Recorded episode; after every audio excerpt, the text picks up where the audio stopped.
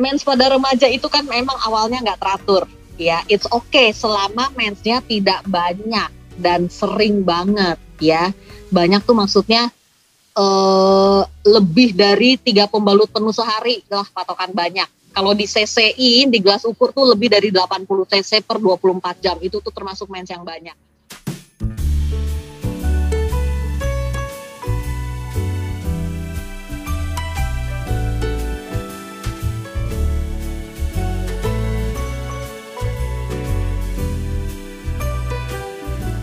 Hai teman-teman semua, selamat datang di podcast DDUP dari dan untuk perempuan. Di sini ada saya Helen Simarmata dan Regina Handoko. Anda semua sedang mendengarkan DDUP, sebuah podcast yang digawangi oleh dua perempuan yang bercita-cita atau bertujuan memberikan informasi dan juga inspirasi untuk perempuan di mana pun Anda berada. Tidak hanya perempuan tentunya, juga untuk orang-orang yang berada di sekeliling perempuan. Nah, jadi gini nih nah teman-teman juga semua ya Di episode kali ini kita akan sama-sama mengupas Bukan kita yang mengupas sih Tapi saya dan Nana mau ngajak teman-teman untuk membuka wawasan lebih luas lagi Untuk kita ngobrolin suatu tema. Ini temanya sangat penting untuk perempuan Yaitu tentang alat reproduksi. Eh, penting Aduh, banget kan? Penting banget Nah, ini. jadi Banget, banget. Nah, untuk membahas ini tentu saja yang akan berbagi informasi itu nggak cuman Helen dan Nana ya, karena kalau Helen dan Nana yang ngomongin soal masalah alat reproduksi, bubar jalan lah kita semua. untuk membahas tema ini, DDUP sudah menghadirkan seorang narasumber yang sangat-sangat super duper kompeten di bidangnya, yaitu Dr. Caroline Tirtajasa SPOG. Halo dok. Hai dokter. Hai. Uh, begini kita menyapanya dengan Dokter Caroline aja ya. Halo dokter Boleh ya, Caroline.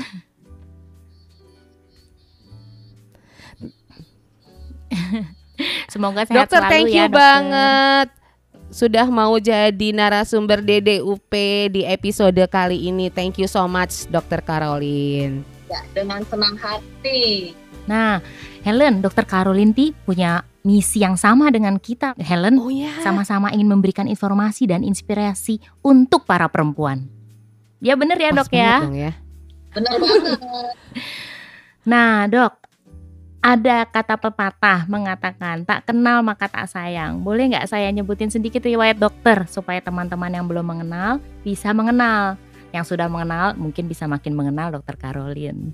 Nah, dokter Caroline ini adalah spesialis kebidanan dan kandungan, subspesialis fertility, DNA dan hormon reproduksi, dan ahli bedah laparoskopi.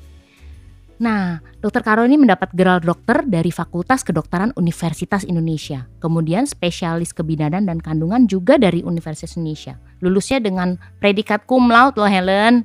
Aduh, begitu membanggakan Luar ya. biasa. Luar biasa. Nah, setelah itu Dokter Caroline juga mengambil S3 yaitu subspesialis fertility dan hormon reproduksi di Fakultas Kedokteran UI juga. Dan satu lagi, diploma dalam bedah laparoskopi di Kiel, Jerman. Wah, keren banget ya Dokter Caroline nih.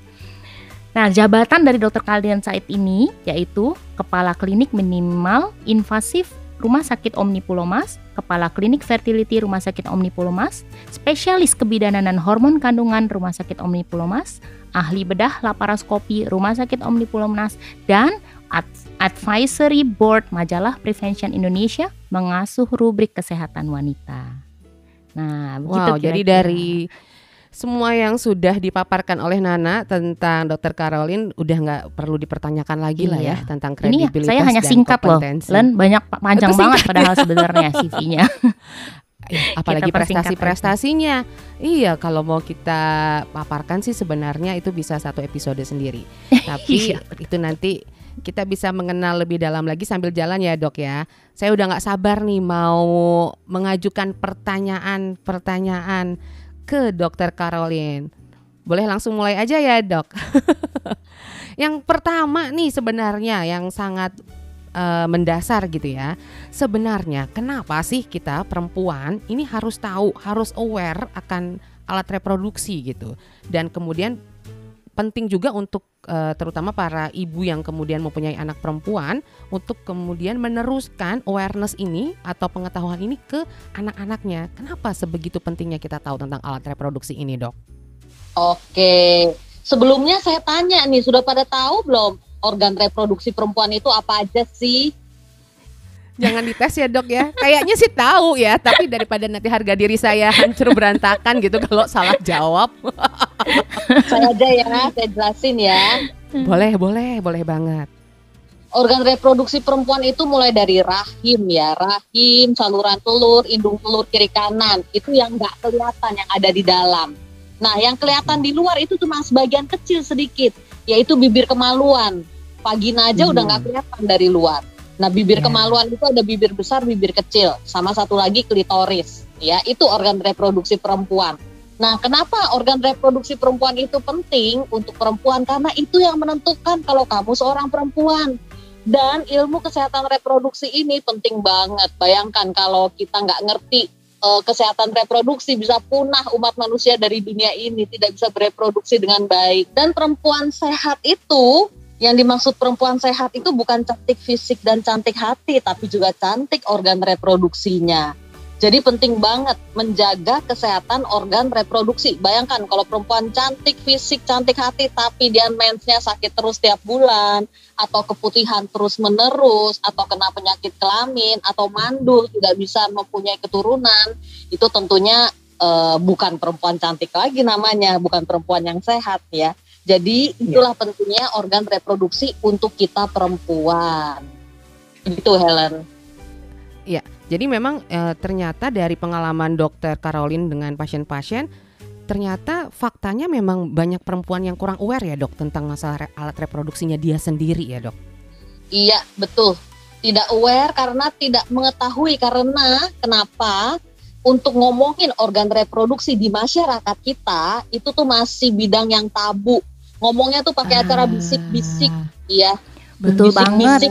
uh, uh, uh, kayaknya malu gitu ngomongin tentang keputihan tentang vagina itu tuh kayaknya malu gitu ya jadi karena berbisik-bisik ini banyak yang sesat dan banyak mitos yang beredar di seputar masyarakat tentang organ reproduksi.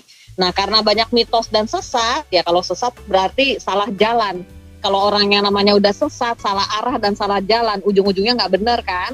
Nah, tujuannya kita ngobrol di sini untuk mencerahkan yang sesat itu biar pada nggak sesat lagi, biar pada sehat betul, semua perempuan. Betul. Gitu. Ini penting banget nih dok, soalnya saya nih juga punya anak uh, yang baru uh, menuju remaja, di mana kita juga mau menjelaskan ke anak-anak juga suka bingung gitu kak bagaimana yang benarnya gitu kan ya menjelaskannya apa nah ini penting banget nih bagus banget nih untuk ada podcast e, dengan dokter Caroline ini Iya, nah. jadi memang harus kita putuskan di sini ya di teman-teman DDUP juga semua yang saat ini sedang mendengarkan podcast ini.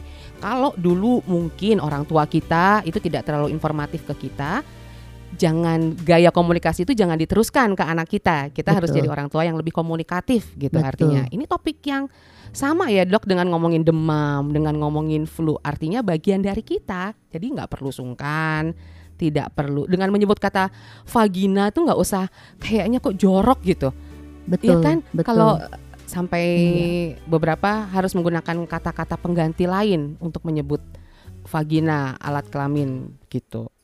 Jadi kitanya harus ngerti dulu baru kita bisa jelasin ke anak-anak kita iya, kan. Betul. Nah, yang bikin kita bingung karena kita sendiri nggak ngerti per secara persis maksud saya ya. Mungkin ngerti sekilas oke okay lah, tapi ngerti secara persis apa itu bagaimana organ reproduksi dan fungsinya pubertas itu kayak gimana sih apa yang harus diantisipasi itu tuh ngertinya tuh samar-samar makanya jadinya para orang tua terkadang bingung ngomongnya ke anak-anak tuh apa yang iya. dia harus aware gitu bingung Iya, nah, itu tujuannya kita bikin eh, bincang-bincang uh, hari ini. Iya. Bener banget. Nah tadi kan Nana juga udah sebut tuh dok bahwa anaknya sedang uh, pritin gitu ya, sedang pra pubertas juga. Iya. Tadi dokter juga sempat menyebut kita nah. sudah sama-sama sepakat nih bahwa oke okay, kita setuju ini adalah penting.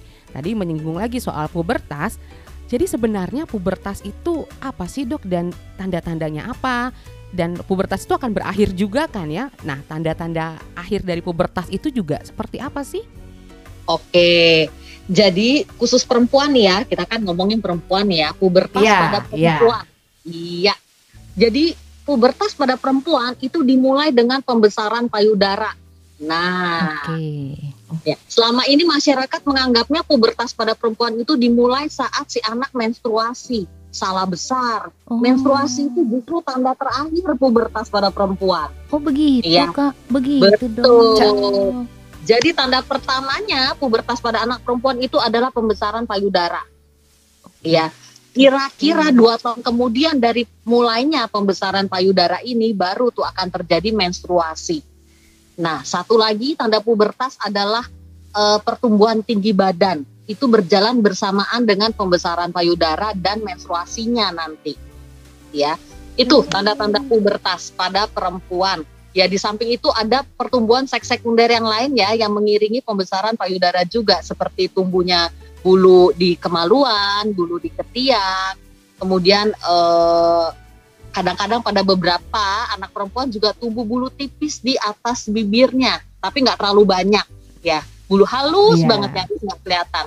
Itu eh, masih dalam batas wajar, tidak apa-apa. Oke.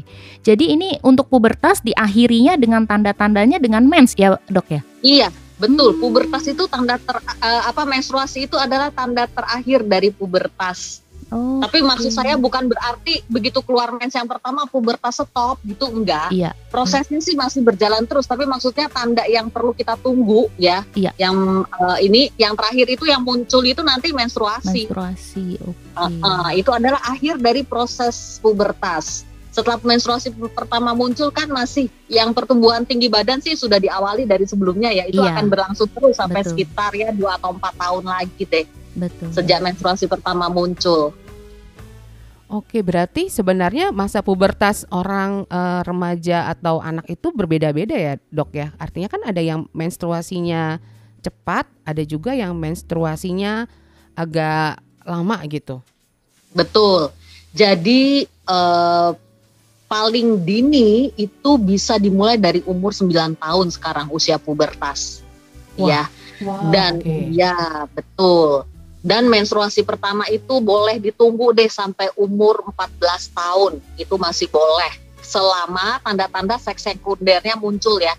Yang kalau saya bilang tanda-tanda seks sekunder tuh maksudnya pembesaran payudara, tumbuhnya bulu di kemaluan dan ketiak. Itu tuh tanda-tanda seks sekunder. Kalau itu muncul bahkan kita bisa tunggu mens pertama itu sampai umur 16 tahun. Kayak Ah, sa- saya ya dok, saya itu tuh dulu tuh eh, mens pertama itu hampir umur 15 tahun. Itu ada yang bilang eh, Hmm. saya tuh nggak subur enggak ya dok ya Oh, sebenarnya ya? enggak dong, Nggak ada hubungannya Enggak kan ya dok? Nggak ada hubungannya. Iya. Sampai umur Anaknya 16 tahun, tiga. Gimana? Nggak ada hubungannya. Anaknya tiga, terus udah gitu eh, gampang banget gitu ininya. Eh, maksudnya eh, dijaga aja bisa jadi itu ya. Jadi sudah terpatahkan. Nana berarti sudah mematahkan mitos itu tuh, Dok. Iya, Ya, betul. bahwa Iya. Berarti itu mitos ya. Nah, banyak Iya. mitos soalnya seputar Iya, banyak mitos, organ betul. reproduksi. Mm-mm. Jadi sampai 16 Oke, tahun tapi- juga masih normal ya dok ya berarti ya. Masih normal selama Hmm. tanda seks sekundernya muncul ya. Iya, iya. Kalau t- tidak ada satupun tanda seks sekunder yang muncul, itu limitnya 14 tahun. Oke. Gitu loh. Oke. Oke. Ya, jadi pada anak Oke. yang payudaranya sama bulu kemaluannya nggak muncul, itu tuh mens hanya maksimalnya kita bisa tunggu sampai 14, 14. tahun. Oke. Jadi pengen tahu lebih lanjut nih dok, Ma- karena anak Iya. saya tiga-tiganya wanita eh, ini perempuan nih. Apa Perempuan, saja yang harus oke. diwaspadai dok dan diperhatikan untuk anak-anak yang akan memasuki usia pubertas nih dok? Oke, yang jelas sih sang ibu harus memberi penjelasan tentang apa itu pubertas, apa yang mereka alami, supaya mereka nanti nggak kaget. Ya, Iya. mens pertama pada beberapa anak perempuan yang tidak dibekali ilmu oleh ibunya, kadang-kadang kaget juga lihat darah mendadak keluar dari kemaluan, bingung biasanya Mhm. dan takut dan Iya. juga malu, campur aduk tuh antara bingung, takut dan malu, nggak berani ngomong biasanya, stres jadinya stres sendiri gitu ya. Iya. Nah, itu perlu diberitahu pada anak perempuannya. Kalau nanti keluar darah dari kemaluan, tidak usah takut, itu tanda pubertas. Ya, dari sebelumnya tentunya waktu jadi anak umur sekitar 8 atau 9 tahun, sebetulnya ilmu eh, kesehatan reproduksi ini sudah perlu diperkenalkan ke mereka supaya mereka ngerti gitu ya, nanti payudaranya akan tumbuh, nanti ada eh, penyangganya tersendiri kalau payudaranya sudah besar gitu ya, pakai mini set atau Iya. atau pakai eh, apa bra yang kecil, kemudian nanti tumbuh bulu. Nah, diberitahukan juga setelah itu semua muncul, yang berikutnya harus diberitahu adalah bagaimana cara menjaga kebersihan masing-masing organ tersebut. Ya, karena Nah, nanti ketika dia pubertas itu kan hormon-hormon sudah mulai tuh ya kelenjar keringat, kelenjar minyak itu sudah mulai aktif banget tuh. Makanya eh, aroma atau bau badan anak kita yang sudah pubertas Betul. itu beda sama yang belum. Jerawat juga ya dok ya. Ah, Jerawat tuh. belum lagi. Aduh. Betul. Ah, itu Iya. semuanya terjadi pada anak saya. Sama. Ini juga. Nah, kelenjar apokrin namanya itu yang membawa bau. Nah, itu Hmm. juga akan lebih aktif pada usia pubertas. Iya. Jadi benar-benar tuh mesti diajarin detail tuh anak-anak remaja kita ya gimana sih caranya mandi ya Iya. menggosok badan itu kadang-kadang banyak yang nggak ngerti gosok badan tuh asal gitu ya. Iya. Terutama gosok yang di bawah ini loh organ kemaluan. Khusus untuk perempuan Hmm. itu kan ada daerah lipatan antara bibir besar dan bibir kecil. Nah, daerah lipatan itu sering eh, ngumpul eh, kotoran di situ. Nah, karena itu kalau cebok itu mesti diusap tuh daerah lipatan tersebut antara bibir besar dengan bibir kecilnya dengan sabun. Oke. Ya. Dan dibersihkan bersih jangan sampai sabun nempel. Jadi kalau kita bilangnya dijembreng ya bahasa Iya. Jakartanya. Tapi pakai sabun biasa nggak apa-apa kan ya dok ya? Nggak usah pakai sabun, sabun. biasa oke. eh, yang sabun khusus biasa oke vagina. nggak apa-apa. Jadi sekalian mandi gitu. Iya, sekalian betul. mandi badan ya. Ah, baru ke bawah. Habis bawah muka. Muka juga harus kan biar nggak jerawatan karena kan sudah mulai tuh ya kelenjar minyak di muka ya. Iya. Bulu-bulu halus juga Hmm. sudah mulai muncul, ketiak, itu semuanya harus dibersihkan. Ya. Itu t- kembali soal membersihkan alat kemaluan tadi, Dok. Jadi pakai sabun biasa nggak apa-apa atau pakai air biasa aja juga nggak apa-apa atau harus pakai sabun sebaiknya? Eh, jadi kalau yang cebok sehari-hari yang pakai sabun itu hanya dua kali sehari saat mandi, mandi pagi, mandi sore kan kita. Nah itu sekalian mandi pakai sabun badan sekalian di bawah sabun. Tapi kalau yang di antara itu tidak usah pakai sabun nggak apa-apa, tapi airnya harus bersih dan dikeringkan itu yang penting. Harus kering. Harus kering. Ah, nah itu Ya, disiram dan kering. kering. Ya, jadi nggak cukup tuh cebok cuma dikeringin aja pakai tisu kering itu nggak nggak cukup, harus siram dengan air bersih. Iya. Karena kenapa? Karena kencing itu media yang bagus banget buat tumbuhnya kuman. Jadi kalau ada kencing nempel di kemaluan, itu ujung-ujungnya nanti sering keputihan, sering infeksi. Jadi tiap kali habis Ya. kencing atau apa pun itu harus siram dan dikeringkan sesudahnya. Harus kering karena kalau tidak lebab mengundang jamur. Nah, itu makanya Oke, jangan kalau betul, pakai celana dalam, pilih ukurannya agak besar ya, agak longgar supaya bisa ada ventilasinya. Jadi dia nggak ngekep gitu.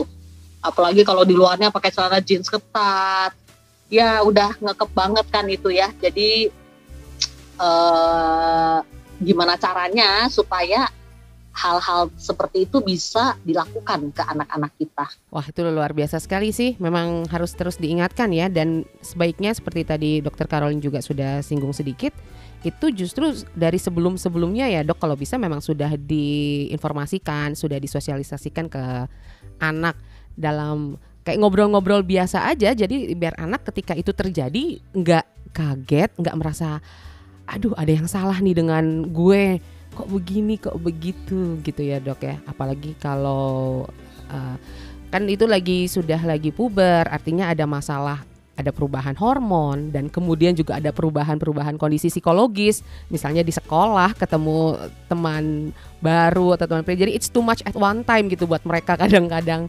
di saat yang bersamaan jadi Satu lagi bilang by the gitu way, ya. saya baru teringat ya tentang menstruasi itu juga perlu dibilang ke anak-anak ya. Maksud saya begini, mens pada remaja itu kan memang awalnya nggak teratur.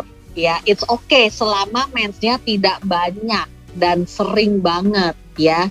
Banyak tuh maksudnya eh lebih dari tiga pembalut penuh sehari lah patokan banyak. Kalau di CC-in di gelas ukur tuh lebih dari 80 cc per 24 jam itu tuh termasuk mens yang banyak.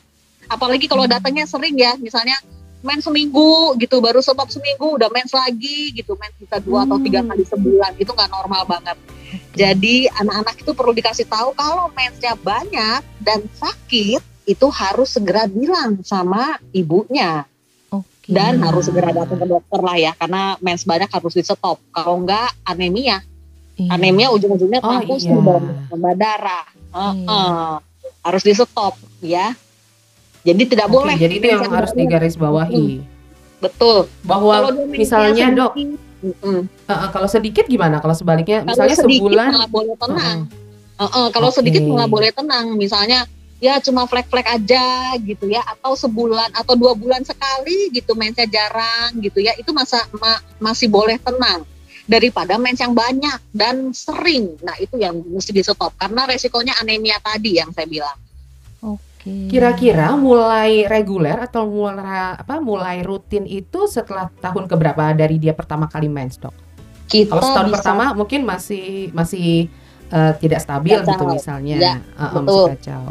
kita bisa tunggu paling lamanya 8 tahun dari awal dia men, dapat mens pertama paling lamanya Oke. ya ada juga yang datang lebih cepat. Tergantung, Ya. masing-masing anak berbeda karena usia pubertas eh, dan keteraturan mens, eh, imbalance hormonal atau balancing of the hormones, reproductive hormones itu, itu tergantung dari tentunya faktor genetik, hormonal dan lingkungan, ya. Jadi tidak bisa dipukul rata antara anak yang satu dengan anak yang lain pasti berbeda dalam hal itu.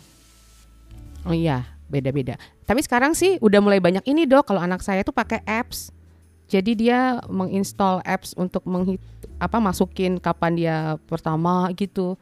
Eh maksudnya saya sih saya sih biarin aja deh biar dia eh, seneng sendiri aja ngotak-ngatik eh, begitu-begituan kan ya dok sama apps-apps ya mumpung agak bermanfaat dikit gitu. Canggih ya Helen ya. Anak dia zaman nyari-nyari sekarang. sendiri. Heeh. Untuk tahu aja eh, biar dia tahu kapan dia butuh asupan gula. Karena dia selalu merasa begitu. Kadang-kadang kalau sedang mau mens atau sedang lagi mens itu I need sugar mami. Sama keputihan ya, saya lupa. Satu lagi keputihan itu juga harus dibilang Oh, anak ya. perempuan ya. Iya. Kalau dia mengalami keputihan yang gatal atau berbau, itu juga harus segera ngomong ke orang tuanya, ya. Iya. Atau yang warnanya nggak bening ya. Jadi keputihan itu kan ada yang normal, ada yang tidak normal. Kalau yang normal itu dia biasanya warnanya bening, ya tidak gatal dan tidak berbau. Nah, kalau keputihan itu sudah mulai tidak bening ya, entah itu putih seperti kepala santan atau eh, warna kuning atau hijau. Nah, itu tidak normal, apalagi disertai rasa gatal atau berbau. Nah, itu harus segera bilang ke orang tuanya. Karena itu bisa berarti apa dok? Kalau misalnya sampai itu terjadi, artinya ada masalah dengan kebersihan kah atau masalah ketidakseimbangan hormon atau apa dok? Heeh, biasanya karena ada infeksi. Infeksi kan macam-macam tuh, mulai dari infeksi parasit, misalnya di air cebokan yang kotor, atau infeksi jamur, misalnya karena dia lembab ya ngekep di situ bisa, atau infeksi bakteri itu juga bisa, ya macam-macam infeksi di situ. Biasanya kalau harus kita diperiksa ya. iya bisa dilihat kira-kira model infeksinya karena apa sih, ya em, terus diobati. Tapi untuk lembab karena lembab aja bisa bisa keputihan ya dok ya. Jadi walaupun Bisa. kita udah siram dengan air bersih, kita lapnya nggak nggak kering juga keputihan ya. Betul, betul. Daya tahan tubuh juga pengaruh ya. Kalau kita daya tahan tubuhnya sedang kurang ya, ya apa aja juga bisa jadi infeksi. Mm-mm. Iya, dua orang sama-sama lembab, yang satu kena jamur, yang satu enggak ya bisa aja. Ini thank you banget nih Dokter Caroline udah banyak sekali informasi yang disampaikan. Tapi ini rasanya sih eh, untuk satu episode memang nggak cukup ya. Iya nggak cukup ya kayaknya Len ya. Kita banyak banget nih Oh, masih oh, mau kalau- pertanyaannya nih rasanya. Untuk saat ini kan kita masih membahasnya seputar alat reproduksi dan kemudian lebih spesifik lagi ke masalah pubertas di anak perempuan. Tapi next time kalau kita punya topik-topik lain lagi yang pasti juga perlu diketahui oleh kaum perempuan di mana pun berada, Dokter Caroline mau kan diundang lagi datang Oh, ke dengan DDUP? senang hati, dengan senang hati. Asik. Nanti kita atur aja topik-topiknya. By the way, Semua Iya. pertanyaan tadi itu sebetulnya ada di IGTV saya, Instagram saya Ah. ada untuk video edukasi, konten edukasi bisa di browsing situ ada 150 judul. Membahas mulai dari pubertas sampai uh, usia pramenopause menopause ya problem perempuan semuanya tentang perempuan all about woman all ages jadi kalau yang mau dikepoin liatin aja tuh judul-judulnya bisa diklik dan tinggal didengerin tentang topik yang diminati Nah, tuh udah denger ya teman-teman. Jadi kalau masih penasaran dan ada pertanyaan atau mau tahu lebih lanjut tentang alat reproduksi, ikutin deh IG-nya Dr. Caroline. Misi Dr. Caroline dalam pengetahuan tentang alat reproduksi dengan membuat video edukasi ya dok ya di IGTV iya, itu betul. tentang pengetahuan uh -uh. kesehatan uh, organ reproduksi bisa teman-teman lihat uh -huh. di IG IG-nya Dr. Caroline nama akun IG-nya Dr. Caroline Tirta Jasa SPOG Kak, betul ya dok ya? Iya, bisa disambung semua tanpa spasi tanpa DR Caroline Tirta Jasa SPOG Kak sampai Kak. sampai kaknya. Udah ada 150 IGTV tuh. Semuanya tuh mengedukasi kita nih perempuan-perempuan. Iya, 150 judul biar semua perempuan tambah pinter ya itu iya. sih sebetulnya tujuannya. Iya, karena oh, organ betul. reproduksi perempuan memang masih tabu jadi banyak mitos ya, Dok ya dan iya. masih sesat. Mm -mm.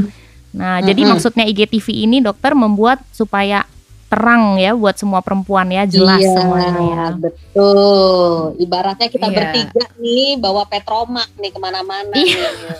Nana dan Helen Amin, bersama saya. betul. Betul betul betul, betul. diterang-terangin ya. Iya. Tri. Eh boleh juga tuh jadi nama grup ya trio Petromax. Oh iya. Keren banget nih trio Petro Petromax. Oke sahabat DDUP terima kasih sudah mendengarkan DDUP di episode kali ini dan terima kasih juga untuk Dr. Caroline atas penjelasannya yang sangat luar biasa dan sangat informatif. Tentu saja kita semua di sini diajak untuk lebih mengenal dan kemudian tentu saja akhirnya jadi merawat dan menyayangi alat reproduksi kita dan meneruskan semua informasi yang sahih, informasi yang tepat ya. Jangan lupa cari informasi juga di tempat yang tepat ya, Dok ya. Jangan mudah percaya mitos atau percaya forward-forwardan broadcast dari WhatsApp yang mungkin belum bisa dipastikan kebenarannya. Salah satu sumber informasi betul atau googling-googling yang belum tentu tepat. Uh, Helen yang sering itu ya ibu-ibu tuh sering dengar dari sesama ibu-ibu juga Iya betul, ya, itu jadi, betul. Uh, uh, jadi tulisan di Google kan banyak tuh sama ibu-ibu memposting iya. pengalamannya. Iya. Nah itu yang sering salah. Jadi memfollow yang salah, mengikuti yang salah itu yang sering. Nah, betul. Itu. Jadi betul. kalau untuk urusan uh, kesehatan dengarkan dokter gitu. Yang iya. ahlinya siapa betul. itu yang gitu. Betul. Makanya ya. browsing kita jadi, juga mesti hati-hati ya dok bahwa, ya. Bahwa uh, jangan terlalu gampang percaya dengan testimonial. Iya, betul. belum betul. tentu itu uh, bisa berlaku yang sama dengan kita juga. Ya, betul. Jadi, Jadi kalau membaca sesuatu dicari tahu dulu yang membuat siapa. Orang yang ya, ahli dalam bidangnya setuju. bukan, itu yang perlu dicari ya. tahu. Apakah tulisannya layak untuk diikuti gitu. Diikuti dan dipercayai, ya, betul. Ya, Ya, oh. aduh luar biasa. Thank you so luar much. Luar biasa banget. Terima kasih banyak Dokter Caroline. Sama-sama Helen dan Nana. Aduh, bekal pengetahuan yang diberikan ini benar-benar luar biasa. Terima kasih banyak, Dok. Sama-sama, sampai ketemu lagi ya. Sampai ketemu lagi. Sampai ketemu lagi. Sahabat DDUP, jangan lupa stay tune terus di podcast dari dan untuk perempuan bersama saya Helen Simarmata dan Regina Handoko. Sampai jumpa. Sampai jumpa. Bye-bye. Bye-bye.